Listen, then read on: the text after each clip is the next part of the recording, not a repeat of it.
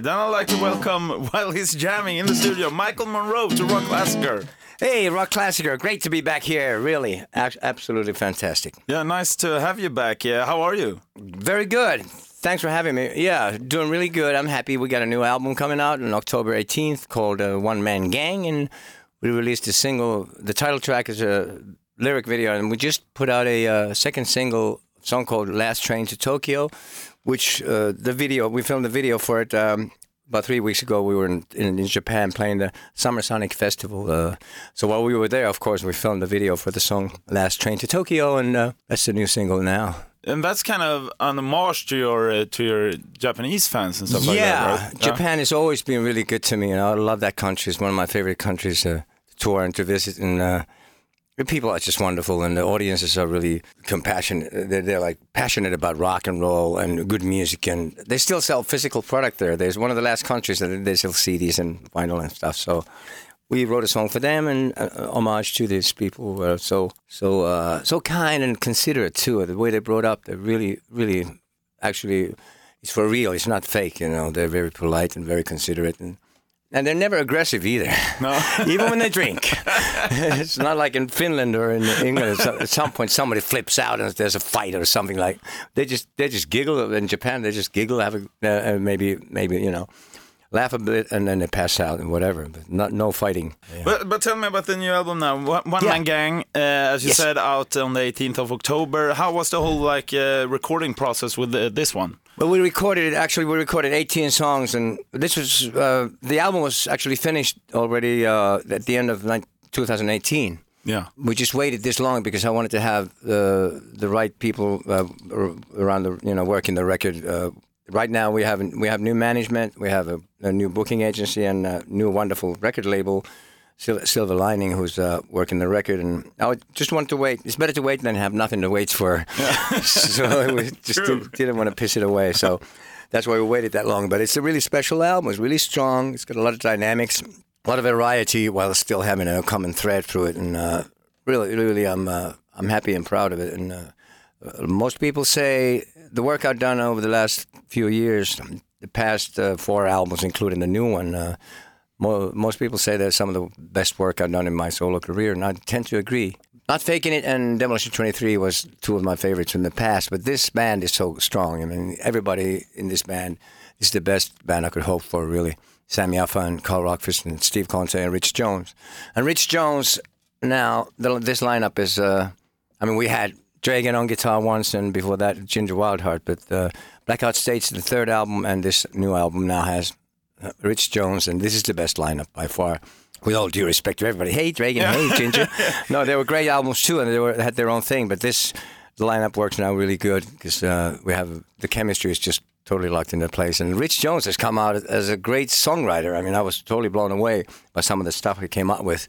So the best songs make the album. You know, everyone has the freedom to write. There's a lot of creative energy in this band, and I don't want to stifle it in any way. I've done everything to make this a band situation, it's like you know, the democracy and all. And uh, everybody can write, and we pick the best songs for the album. It Doesn't matter who wrote them. Do you like vote for it with what you feel like? Yeah, this is the best song of these. Or, or yeah, how- how pretty much that? we discuss together and we decide things together. Uh, Let's just put it this way: it's my name on the album anyway. So if there was, a, uh, there hardly ever is, but if there was a was a situation where we couldn't, you know, decide, or it was like uh, we'd be uh, stuck with some kind of situation, I would say, I would have the last word, and I would be like the chairman of the board, B O R E D. no, I would, I would make, the, I would call it, uh, you know, because it's after all, it's my name on the record. But this band is really that's why One Man Gang was a perfect title because Yeah. the ba- band has my name, Michael Monroe, as well, and it really is a band situation. Uh, so that was why I chose that name when there was a song One Man Gang. I thought that's an album title for sure. You also have special guests in this album, right? There's some Yeah, guests in the For sure, Yeah. Captain Sensible from The Damned. Yeah. and uh, he's playing the solo guitar solo on One Man Gang, the title track. This is Captain Sensible on guitar. Great, huge honor. I love Captain. He's I've always been a big fan of the Damned. I think they're underrated. They're one of the greatest bands ever. And uh, I just called Captain and says, "Hey, you want to play a solo on a song on our new album?" I says, "Well, send it over." And when he got the song, he sent me a mail. Says, "Love the song. We'll have something for you in a couple of days." And the next day, he had this great solo. It was as it was. We put it on the, on the song, and that was that. That was that. Plus, also Nasty Suicide. Uh, the original Hanoi Rocks guitar player, Nasty Suicide, plays a guitar solo on a song called "Wasted Years." And the reason he's on that song, on a song called "Wasted Years," is has nothing to do with uh, the Hanoi Rocks, uh, all those wasted years. It just, just happened by, you know, we didn't plan that, but this- that just happened It to just be. came to came to be. Yeah, it just happened to be the song that he played on. You know, uh, that's a cool song, anyways. I like that. Anyway, so yeah, a nasty suicide, and uh, third guest we had was one. One guest we had was uh, Eicca Toppinen from Apo- Apocalyptica playing Oh, yeah. the cello on the last Yeah. song, "Low Life, Low Life in High Places," which is one of my favorite songs on the album too. He plays cello. He did like three or four tracks, uh, tracks of uh, cello on that, and uh, really adds to the chorus, the middle section, and the chorus of the song. Uh, and speaking of collaborations and stuff like that, uh, I know that you you like to do them as well. Is there someone out there that you've been thinking about doing a collaboration with uh, in the near future or something like that that you haven't really done yet, so to speak? Well, Little Richard's kind of not probably not doing much any, anymore. No. but uh, but he's still alive, which is great. But, Yeah. You know, he's my hero, obviously. Uh, I've been on stage with Alice Cooper, who's also my hero. But uh, I've sung with him on, on several occasions on stage, but never recorded anything. That might be a cool thing. But I mean, but for people uh, in my band, I, I mean, if I had. If I could choose from any player, any musician, uh, alive or dead, to be in my band, I would choose these guys that I have right now. I have the Motorhead T-shirt on me to, today, so I thought it was pretty good because Lemmy was on your album Sensory Overdrive. Yeah, this song. What's it, yeah? What's your best memory of him? One of the best memories. What was that? Uh, the thing is, uh, we were on a tour. Well, there's plenty of memories, tons of memories. He was such a sweet guy, never changed, always the same character. I don't care what people say about you know drinking or anything. Any whatever he did, he was still the same guy. He never changed. I appreciate that consistency. Well, for for example, we were opening up for him in Finland once, and uh, he had a new Finnish monitor guy who had never worked with him before. So he said, "Hey, mate, come on over here." And he showed at the uh, monitor, the wedge in the front. Says, "Do you hear that horrible noise coming out of that wedge out there?" Just, the guy says, "No." That's right. Put it there.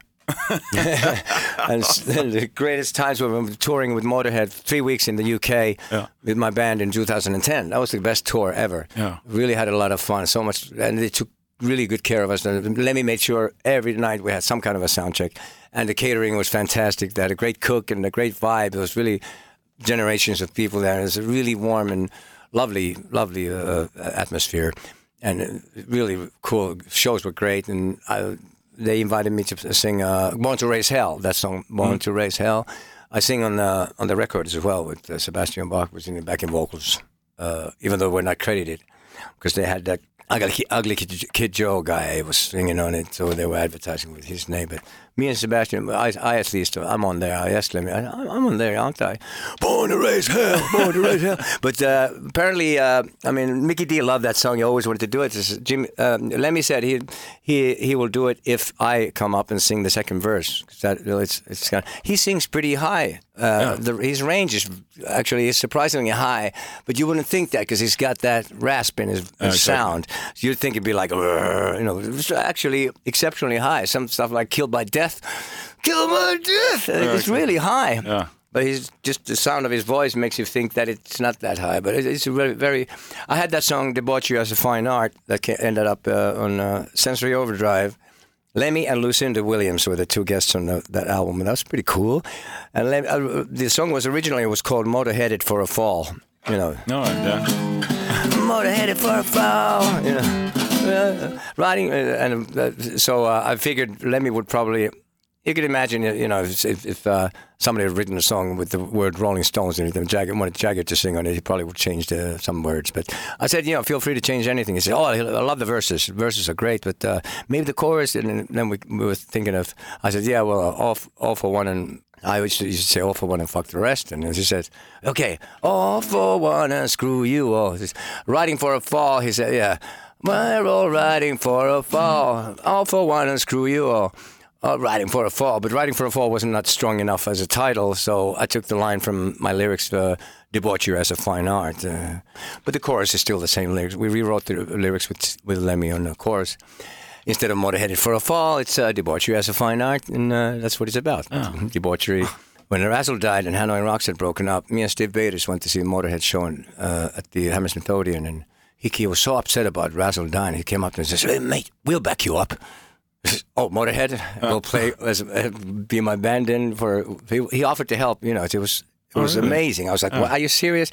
Of course. At the time, me and my baby face, you know, their fans would have eaten me alive. I'm sure, like for breakfast. Oh, what's this pretty boy doing here? And that actually, when we played, when we opened up for them in 2010. There was the first couple of songs that took the audience to kind of, I mean, they're hardcore fans. Uh, Motorhead in the UK, that's like a trial by fire almost. So it took him a song or two to figure out what's this made up guy with makeup, blonde guy with makeup doing here. Then they realized I'm completely nuts. And then, oh, that's why he's on this tour. Yeah. and it didn't hurt to have me sing on the Born to Raise Hell uh, many a nights. Uh, this even on the video of, uh, I think it was the Manchester show that's on a DVD compilation. They have one, t- one of those uh, nights uh, where I'm singing that song with them. Uh, really was a huge honor. And the roadies loved it too. They could first I could hear nothing but the bass. The first night I was singing, okay, it would be nice to hear a little bit of some, the vocal too or something. then the roadies came, hey man, Michael, now tonight we got a monitor for you. oh yeah, I got my own monitor, great man. Then the next night I said, okay, guess what, Mike? But now we got two. and then I started hearing, with the sound is and the bass is so massive. It's like guitar and bass tones. Everything is in that one sound, and it's so powerful. They, I'm watching them every night. It was so cool to see them uh, like in overkill, and towards the end they go into the zone. It's like hypnotic. It's really like sucks you in. Oh. They're like one of the greatest bands of all time, one of the most important bands in the history of rock and roll. Them, uh, ACDC, the original, especially ZZ Top, uh, Rolling Stones.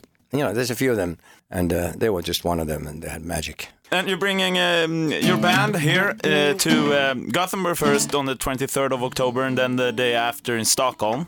Yeah, Um, Gothenburg, 23rd of October, and 24th, of- 24th. is uh, Stockholm. Yeah, Yeah, arena Fryshuset. and Fryshuset, yeah, yeah, Is- yeah. That's a good good venue, right? Is it? Yeah, yeah, it is.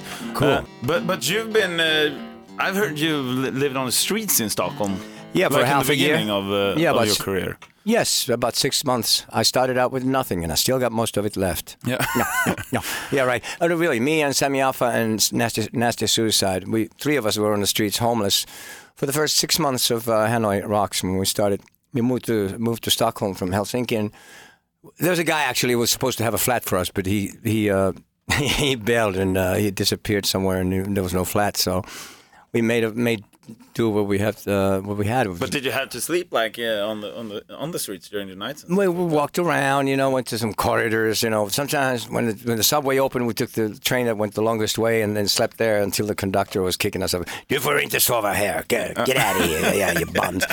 and, and then we'd be, uh, actually, we. I, I was the one who was usually, we'd go to some uh, bar or club or something and have some, maybe chat up some girl and not, uh, then have them invite me to their home. And I'd say, by accident, oh, I'm running. Oh, here's two friends of mine, Nasty and Sammy, show up, and hey, I haven't seen you in a long time. Do you mind if our friends, uh, my friends, come along? And she would say, okay, I guess, I guess not. So we got to the flat and went straight to the fridge. You know, empty the fridge, eat the food. Nobody even wanted to, of course. Uh, weren't interested in a chick. We wanted to get food and get get some, uh, you know, a roof over our heads. And I guess you you could say we were using. I mean, we had to do what did what we had to do. Nasty actually knew this girl who worked, worked at the Burger King that used to be on Kungsgatan, at the, Yeah. the end of Kungsgatan, close to the, the railway station. She worked there uh, at times, and when, whenever she was working, she gave us everything for free. We, we stuffed ourselves. We had like triple decker burgers and milkshakes and everything. we, were, we were almost like nauseous when we walked out of there. But before too long, she got fired. I don't know why. And uh, I'm gonna lastly say that One Man Gang is out 18th of October. Then just a couple of days later, you're here in Sweden, so we can check you out live as Yes, come on down to the show. Definitely, you're not going to be sorry. You're going to love it. I'm sure. It's for real, and uh, we're going to have a good time. Yeah. Thank you very much uh, for taking the time, Michael. Thanks for having me. It's great to be here. Cheers.